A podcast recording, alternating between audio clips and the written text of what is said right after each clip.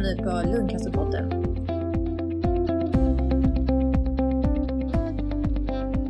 Hej och välkomna till dagens avsnitt som ska handla om hur det är att vara närstående till någon som har en cancerdiagnos. Med mig för att berätta om detta har jag Leif Karlsson som är närstående. Och Leif, du är också Lungcancerföreningens nya ordförande. Hej Leif! Hej! Och hej Ragnhild! Hej hej! Du är här och agerar co-host igen. Precis, det är så roligt. Ja, och för er som inte har lyssnat på tidigare avsnitt så är Ragnhild också patient. Ja, Vi kommer inte uppdatera er om vad som händer i våra liv nu för tiden. Utan vi går direkt på dig, Leif. Du kan väl presentera dig? Jag heter alltså Leif Karlsson och är Umebo. Fast sedan många år så bor jag tre mil utanför Umeå. Eh, jag har nyss blivit pensionär även om jag tycker det låter trevligare att säga att jag just har fyllt 65. Jag har inte riktigt vant mig men jag har inga problem med att jag är pensionär. Jag har jobbat i hela mitt liv med försäljning på olika sätt. Både i butik och som resande och, och liknande. Och de sista 25 åren så har jag sålt belysning.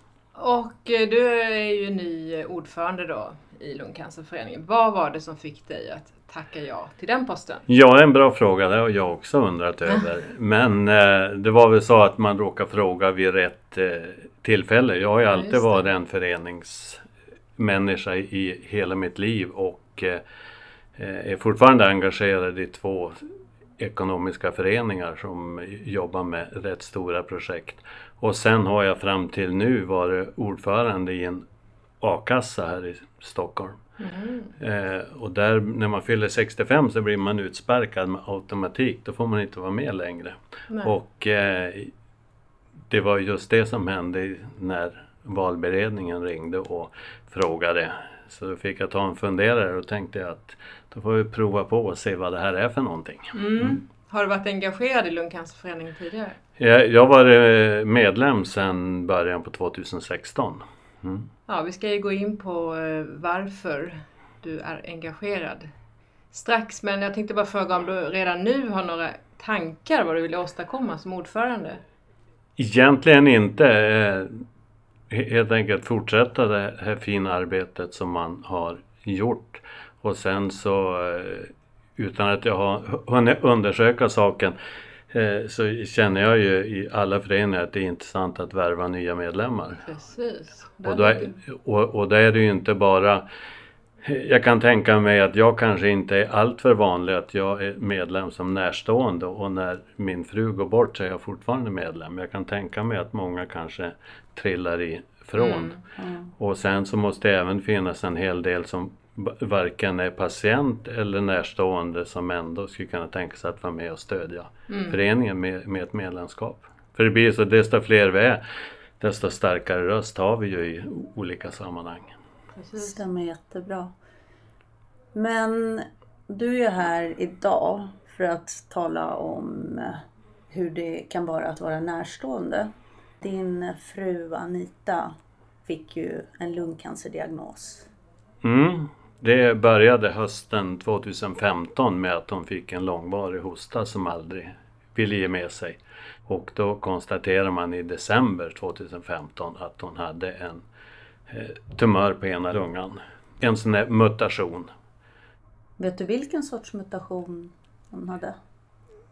Om jag säger EGFR. Ja, det ja, igen. så, så vet du vad det är. Ja. Och, Kan jag bara fråga, Mm. hade hon några andra symptom? nej, än- inga alls. Mm. Utan det var hostan? Ja, utan annars så mådde hon eh, eh, helt bra. Vad jobbade hon? Vad gjorde hon? Ja, det är, hon, hon eh, var ju i branschen. Hon, hon har jobbat som onkologsjuksköterska i 12 Oj. år och avdelningschef på onkologen i 13 år. Så Oj, oj. att eh, hon... Eh, kan säga, he- hennes problem var att hon visste för mycket och jag visste för lite. Mm. Men var man att träffa en läkare och han fr- frågade A så visste ju hon att svarade hon ja. Då, då är kanske det inte så bra för att då visste hon vad det innebar. Medan, Så tror du att det medförde att hon på något sätt förminskade sina Nej, nej, absolut inte. Hon, Nej då. hon var mer observant. ja, oh ja. Ja. Så att, eh, och, och det kunde ju även vara det om hon märkte några symptom så kunde ju hon ta upp det vid nästa läkarträffen. Var du med från första början Jag var- när hon fick beskedet? Mm, jag, jag var med på alla besök eh, utom ett då jag började nytt jobb. Och det var naturligtvis det besöket då hon fick reda på att hon hade en metastas, att det var en spridning. Hade hon någon annan närstående med vid det Nej, mötet? inte vid det mötet. Hur snabbt kom spridningen? Eh, det tog bara drygt två månader. Okej. Och hur löd hennes diagnos? Du sa tidigare det var en EGFR-mutation. Ja, Fick hon några andra? Vilken behandling satte de henne ja på? från början så då, då börjar man ju med cytostatika på en gång. Men hon hann ju bara få två behandlingar innan man då konstaterar metastaser. Och då, om jag nu minns rätt så börjar man med Tarceva då. Och hon svarade ju bra på behandlingen. Hela första året så jobbade hon heltid. Mhm. Och hon eh, orkar jobba fullt ut också. Så att, eh, Och sen visade hon på progression. Ja, och sen fi- fick hon eh, Dels fick hon lite biverkningar av eh, medicinerna och eh, sen så nå- någon metastas på ryggraden gjorde att hon fick väldigt ont emellanåt. Mm. Så att ett tag så jobbade hon gick ner på halvtid men eh, det blir ju så, jobbar man halvtid så blir det ändå gärna heltid. Heltid. Så att eh, då slutade hon jobba helt ett tag. Hur var det för henne som jobbade själv i vården? Jobbade hon på en canceravdelning eller? Eh, På si- sista, alltså under sjukdomstiden så jobbar hon på lungkliniken på mottagningen. Och var själv lungsjuk. Ja, Hur kändes det för henne tror du? Jag tror att det gick bra. Hon hade nog inga problem med att så länge hon kände att hon orkade jobba så då fungerade det. Sen fick hon ju då naturligtvis väldigt bra stöd av sin personal också. Så att eh, det, det var på, på jobbet som var, blev hon ju inte ensam med sin sjukdom utan Nej. Men det blev liksom lungsjukdom hela dagarna. Ja, just det, ja men det, det Hon hennes, jo, för, jo, för hennes jobb det, det var ju mer administrativt Ja. egentligen. Så att, eh, Du sa att hon visade på, på progression och fick ont i ryggen. Mm. Gjorde man någonting eh, åt det då? Strålades hon eller fick hon Eh, byta behandling? hon, hon, eh, man eh, provade andra tabletter och även hon, hon hann komma i lite i kontakt med immunterapi. Och eh, sen så fick hon strålning också. Ja. Och eh, hur lång tid tog det från det att hon fick sin diagnos till att hon eh, gick bort? Eh, det, tog, det tog bara inte fullt två år. Men det, hon, hon gick bort i eh, oktober 2017. Men re, om man tar i juni 2017 så, var, så mådde hon så pass bra så att eh, det var till och med att hon funderade på att börja på jobba heltid efter. Juni som- till oktober. Ja, Oj, men vad som hände det var att hon fick en eh, blodpropp i lungan som Aha. man inte lyckades eh, häva. Så att det var ju den som gjorde att hon somnade in. Oj. Så du, ni var nästan oförberedda? Mycket oförberedda. Usch. Det var- Stod det- hon på någon blodförtunnande det redan då? Ja.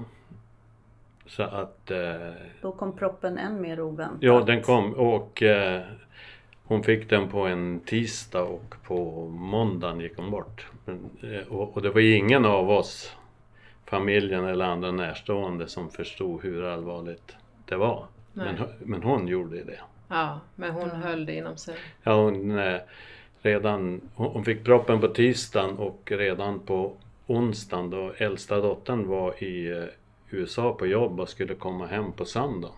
Okej. Men hon ringde på Mm. onsdag kväll och sa Oj. att hon skulle komma hem. Och hon hann. Mm. Hur märkte hon att hon eh, hade fått en propp? Eh, jag tror inte att hon egentligen märkte det utan det var i samband med att hon skulle in på, på eh, hon skulle in på eh, träffa läkare och var väldigt trött och lite virrig och sådär så att då eh, Mm. tog man och, och kollade upp det så att hon var inlagd direkt när hon... Så på Om den vi vägen. backar lite Mm. till när hon blev sjuk. Mm. Hur hanterade ni i familjen beskedet om hennes cancer? Jag tror vi såg nog ganska sakligt på det. Det, det är praktiskt. Jag menar, hela min insats det var inriktad på att hon skulle må så bra som möjligt, ha det så bra som möjligt. Mm. Eh, Även från sen när, när det konstaterades spridning och vi visste hur det skulle sluta. Så du försökte underlätta för henne? Ja, och ja. Mm. Mm. Och, och det blev ju även det att vi såg att hon skulle ha ett bra liv flera år till. Mm. Men nu eftersom blodproppen kommer så då... Gick det eh, snabbare? det- Ja, så då... Hur gamla var era barn när Anita blev sjuk? De var, Mattias var 30 och Frida var 34 och Elin var 36. Hur berättade ni för er omgivning om Anitas diagnos? Ja, för barnen så berättar jag det. Och... eh, Rätt snart efter? Ja, ja på en gång. Ja. Ja. då. Samma dag. Så att, Mm. Och eh, för eh, he- hennes syskon och annan närstående så då hon var så pass stark så hon ringde och sa det själv. Mm. Ni var öppna med det Ja, från oh ja, början? ja då. Mm. Så, Var, var det så att eh, andra i er släkt och vänskapskrets blev engagerade i Anitas ja, sjukdomsförlopp absolut. på något sätt? Ja. Jag kan säga att det, det var egentligen ingen som drog sig undan.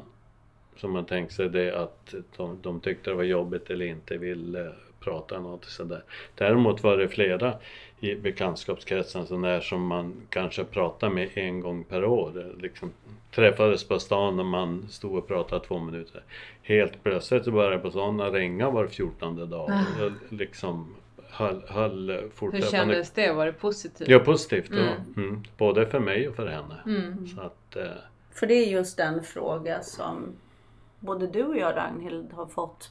Hur gör man om man vill bli inkluderad i närstående gruppen om man säger så? ja, det är nog bara att ta, ta kontakt Ja. med den som är drabbad. För att då märker man ju själv om den vill ha kontakt eller inte. Mm. Jag kan ju tänka mig att det där är väldigt olika. Att en del mer än periodvis, Ja. att man orkar mer eller mindre. Mm. Så att det, och det kan jag också säga om, om eh, var väldigt viktigt för henne att eh, hon betonar ju väldigt noga att hon aldrig hade rökt i hela sitt Nej, liv. Precis. För det blir ju också lungcancer. Det är en Då- chock. Ja, då tänker man ju direkt på, på Ja. rökning. Och för henne var det väldigt viktigt att hon inte ens hade provat bloss. Och, nej, så att... eh, Ja, ja. Och... Eh, Jo, ja, men så jag visst, känner väl vi också på Jo, sätt och vis vi har inte heller rökt. Nej. får Men jag har tagit ett bloss. Ja, nej men att... För 30 år Eh, sedan, ja. För att jag visste ju inte innan jag, jag nu var, Att det varit ens in. Ja, att det var så pass framförallt många kvinnor Nej, och att som... det var möjligt att få ja, cancer ja. utan, lungcancer utan att ha rökt. Ja, En annan aspekt som jag och Jan har som eh, av erfarenhet av närstående att vissa kanske drar sig undan, Mm. att det blir jobbigt för dem. Mm. Att de inte orkar prata med en och hålla kontakten. Hur Nej, för nej. er? Nej, för eh, jag har inte upplevt det med, med någon faktiskt. Om vi går till det mer praktiska. Eh, hur var det, fick ni som närstående ta del av vårdförloppet? Vad som hände under sjukprocessen och vad som var att vänta och information om olika behandlingsmöjligheter? Ja, det fick och... vi jättebra eh, information. Så att vi visste precis nästa steg om det inte skulle fungera. Vad gör vi härnäst och, och, och så vidare. Så att eh, Jag tänkte på din fru visste ju så mycket själv. Ja, och, och det kan ju också vara så att därför så fick vi lite extra information för att hon var ju, var ju insatt Mm. och, och visste vad det var frågan om. Så fick ni ju också information då om till exempel när hon skulle ta prover, infinna sig på röntgen, uppföljningar och så? Eller gick allting direkt till Anita?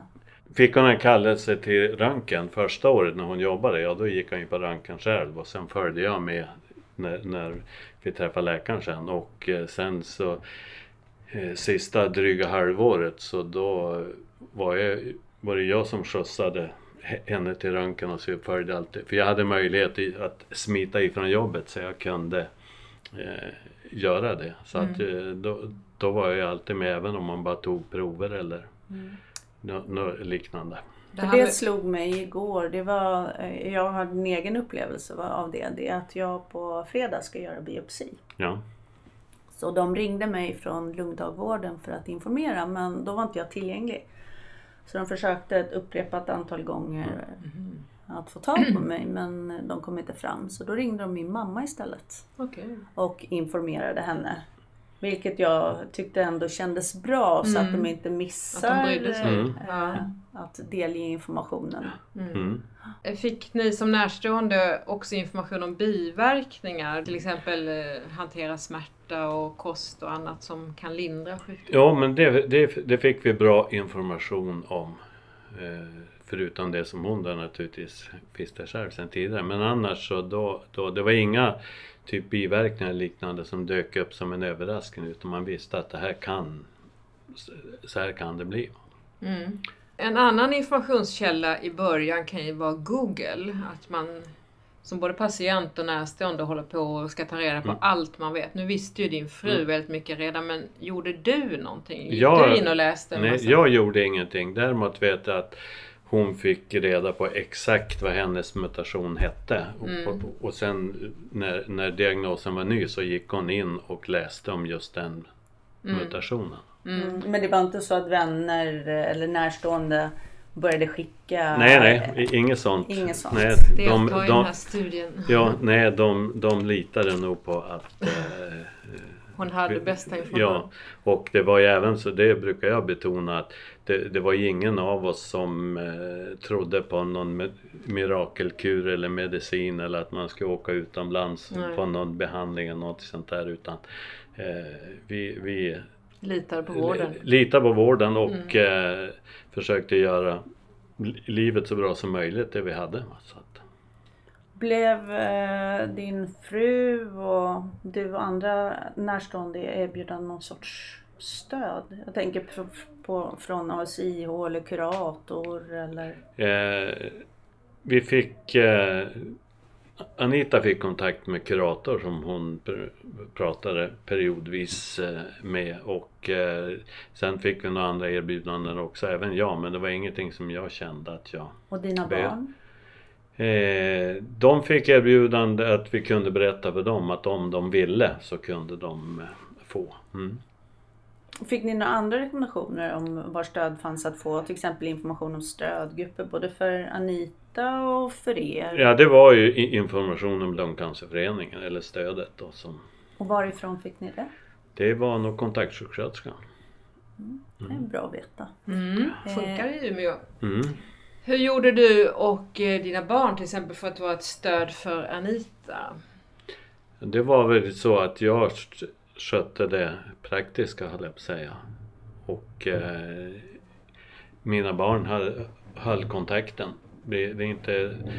Eh, Bodde de inte i Nej, en i? Stockholm, en i Uppsala och. Mm. i- en i Umeå. Så att, Men eh, de, de var ju hemma ganska ofta. Och, så att, eh, och, och så blev det ju täta telefonkontakter också. Så att, Mm. Gjorde ni något extra under de här åren för att känna att ja, vi vill passa på och Nej, göra den där det gjorde, resan? nej det enda, ja vi åkte Vi hade väl varit runt Även om vi har varit jättemycket utomlands så har vi nog sett Hade vi i stort sett sett hela Sverige eh, Men hon hade inte varit i eh, Blekinge, Skåne. Så Åh, att, det är eh, viktiga ja, det, ja, så att eh, där vi åkte på bilsemester. Det var första sommaren som hon var sjuk. Så då betade vi av den också. Okej. Men, men det var egentligen det enda som Var det enda vi gjorde. Som, som, eh, om man ska prata om någon bucket list. Utan Mm. annars så levde vi som, som Vanligt. vanligt. Ja. Mm.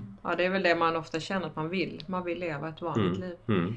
Har du några tankar om man, hur man som närstående kan stötta en annan närstående? Fick du stöd till exempel av din omgivning? Jag fick väl frågan om jag behövde. Men eh, jag är väl en ganska lugn person så att jag liksom kä- kände inte det behovet. säga. För det kan ju... Det är väl ganska påfrestande Ja, ja. att vara Mm. närstående. Mm. Däremot eh, ska jag vilja säga att både om man är närstående eller patient att man inte går på läkarbesök ensam. Nej. Jätteviktigt för Mm. att eh, det kan ju vara ofta, alltså varje gång man har varit på ett läkarbesök då, då frågar ju då kunde ju min fru fråga, visst sa han? Ja, just det. Eller också så var det så, Man så, hör bara det negativa eller bara eller, på ett, eller också så var det någonting, vänta nu vad sa han, skulle vi dit om x Mm. veckor eller vad ja. Så att eh, efter varje besök så hade vi allt, båda två frågor och då kan man tänka sig att om man går på läkarbesöket ensam vem ska man då ställa frågan till? Och, eh, Nej, det känner väl vi också. Ja. Det känner igen. Sen kan det ju vara också hur man tolkar det som Ja just det, sägs. ja. Mm. Jag råkade ju ut för den, eh, den incidenten ganska nyligen när jag var på uppföljning. Och min onkolog tyvärr meddelade att han såg förändringar i levern. Mm. Och då frågade jag, är vi säkra på att det är elakartade förändringar då? Och då sa han, ja tyvärr det ser ut som det eh, på röntgenbilderna. Sen kom vi hem och min mamma pratade med eh, sin syster som också varit igenom en cancerresa och hon sa att det kan ju vara godartade så ni ska inte ta ut det i förskott. Och så ringde mamma och sa det till mig sen och så sa jag, men mamma, det var ju inte det onkologen sa. Och det mindes hon inte alls. Så det är det också, man plockar ju upp lite det man Fragment. vill höra och det man inte vill höra. Som du säger Ragnhild, fragment. Mm. Eh, jag tänker på, pratade ni någonting om framtiden eller tänkte ni bara liksom, nu gäller det att leva livet? Nej. Det var här och nu. Nej, ja, det var här och nu. Jo men det var faktiskt så. ja.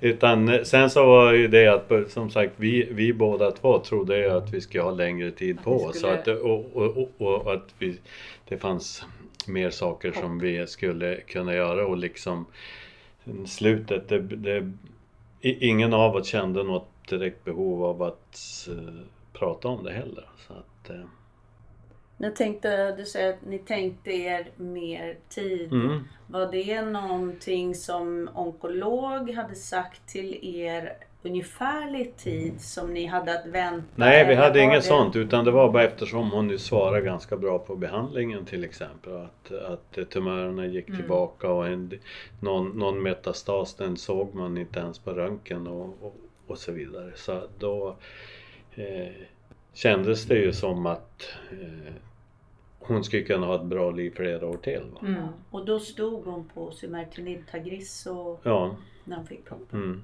Ja. Så att eh, ja, hur var det med döden då? Tog ni upp sådana svåra Nej. saker?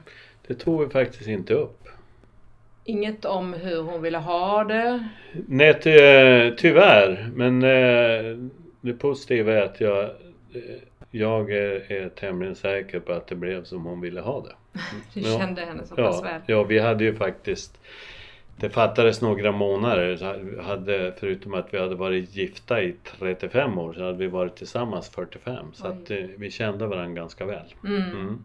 Men var det liksom av hänsyn till henne som du inte ville prata om det? Eller det kändes inte aktuellt? Nej, det var inte, vi, varken hon eller jag kände något behov av det. Det enda, alltså hon sa eh, två saker den dag jag inte. Och det var liksom två, två privata saker med, mellan oss. Men när hon dog? Mm. Ja, hon låg inlagd då nästan en vecka och för att de fick syrgas och de försökte ge blodförtunnande och eh, så att, eh, menar hon var ju sämre och sämre för hon varje var dag. kontaktbar? Hon var kontaktbar fram till morgon.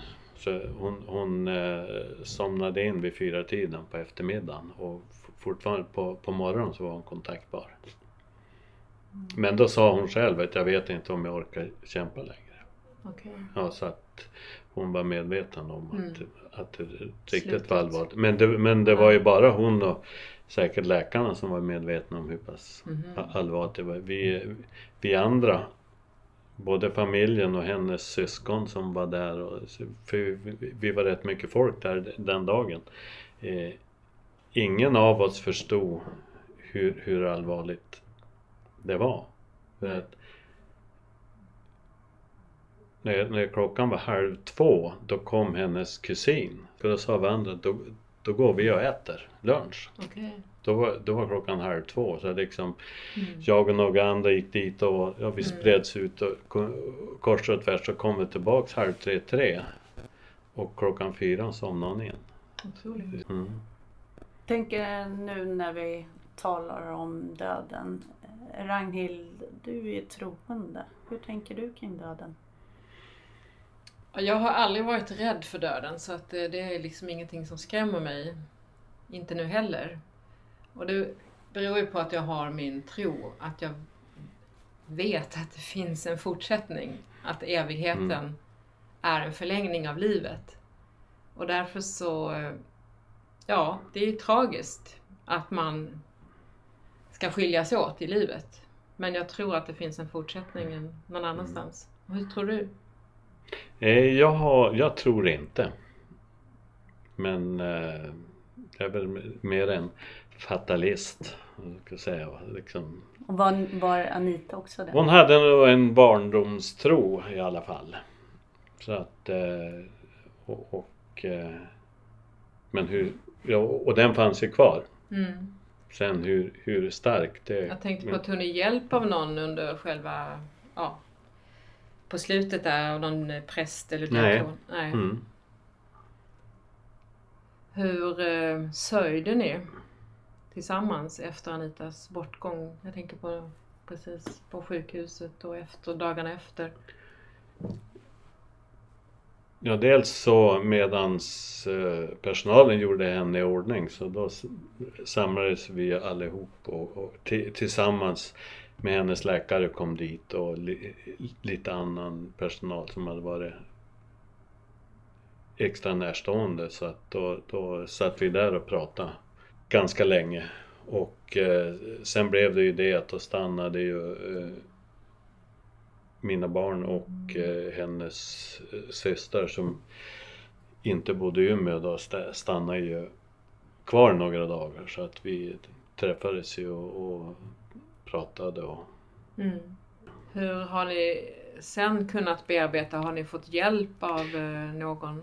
Nej, det har, så vi har inte, ingen av oss tror jag har upplevt något behov av det. har pratat med varandra. Ja, ja, utan vi har, vi har Mm. pra, eh, pratat om henne. Mm. Jag tänker på, har ni, Leif och Ragnhild, har ni tankar om hur man kan hantera sorg tillsammans?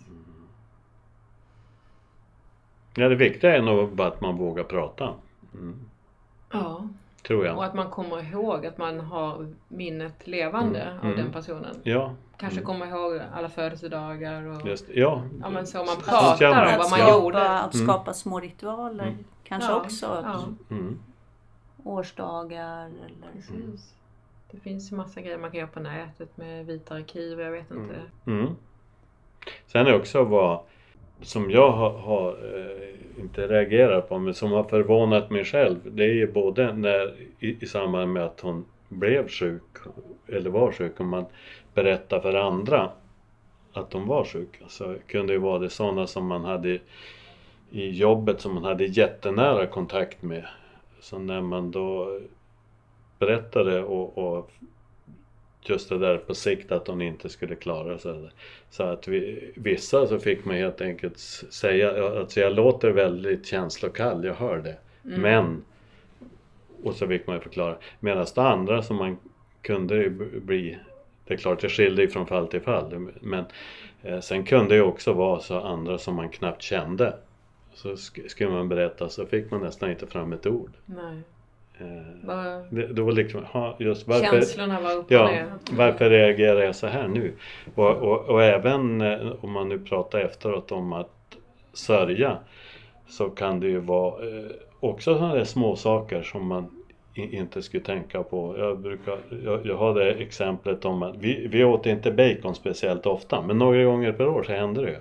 Och eh, sen eh, nu efteråt när jag stod och stekte bacon, ja just det, nu, nu skulle det vara, vara eh, sex stycken som skulle vara riktigt knaperstekta. Mm. Mm. För det vill inte jag ha va. Men Mm. då, och så liksom, ja just det, nu ska jag ha gjort det. Mm. Och, eller om man är eh, på något ställe det räcker bara med att man går igenom Sky City på Arlanda eller om man är någonstans i Europa där vi ofta var. Eh, Jag vet jag var i München bara en månad efter hon hade gått bort. Och eh, då var ju den där butiken inne i centrum där de sålde handväskor. Där vi alltid gick in. Ja, Gick du in där? då blev man ju tvungen att gå in alltså. Det var ju bara så. Och, Mm. och både med viss glädje och så blir man ju då lite le- ledsen också. Men det är ju just sådana där andra saker som man då skulle uppleva att man skulle vara mycket mer ledsen eller man skulle börja på gråta eller någonting sånt där. Det, det, utan det har varit de där små detaljerna som Mm. Hur gjorde ni med eh, begravning eller minnesstund eller? Vi, vi hade vanlig begravning i kyrkan och eh, sen hade vi minnesstund efter. Och sen så hade vi en, eh, en, en vanlig jo- jordfästningsända med ki- kistbegravning alltså. Och det är, är som jag och vi tror att de ville ha det. Mm. Var det många som kom? På, på, I kyrkan var det många, ja. Mm. För det, det blev ju både eh, stor släkt och sen så många vänner och sen så även en hel del arbetskamrater naturligtvis. Så Mm. Att, Gjorde ni någon insamling? eh, då eh, hade vi Cancerforskningsfonden i Norrland finns det en som Mm. heter. Så att det var det, dit som eh, Mm. de, de flesta skänkte pengar. Så. Tycker du Leif att det går att ge några allmänna rekommendationer hur man kan agera som närstående före, under, efter diagnos, alltså under själva tiden man är sjuk? Men det enda jag kan säga är att man ska vara närvarande. Mm. Det, för det tycker jag det, det täcker in allt. För är man närvarande så är man ju både ett stöd och man gör det som måste göras och man finns där. Och det tycker jag sammanfattar vad som är det viktiga. Sen kan man ju vidareutveckla det hur långt som helst. Jo. Men Just det att säger man- mycket att man inte flyr iväg Mm. utan att man finns där. Med de orden så tycker jag att vi rundar av för idag. Stort tack Leif för att du talade som ett så, om ett så viktigt ämne.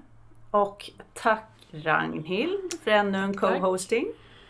Och ni lyssnare, sköt om er och era nära. Och på återhörande. Hej då! Hej då! Tack för att du lyssnade på Lungcancerpodden. De senaste avsnitten hittar du alltid på lungcancerpodden.se eller i din podcast-app.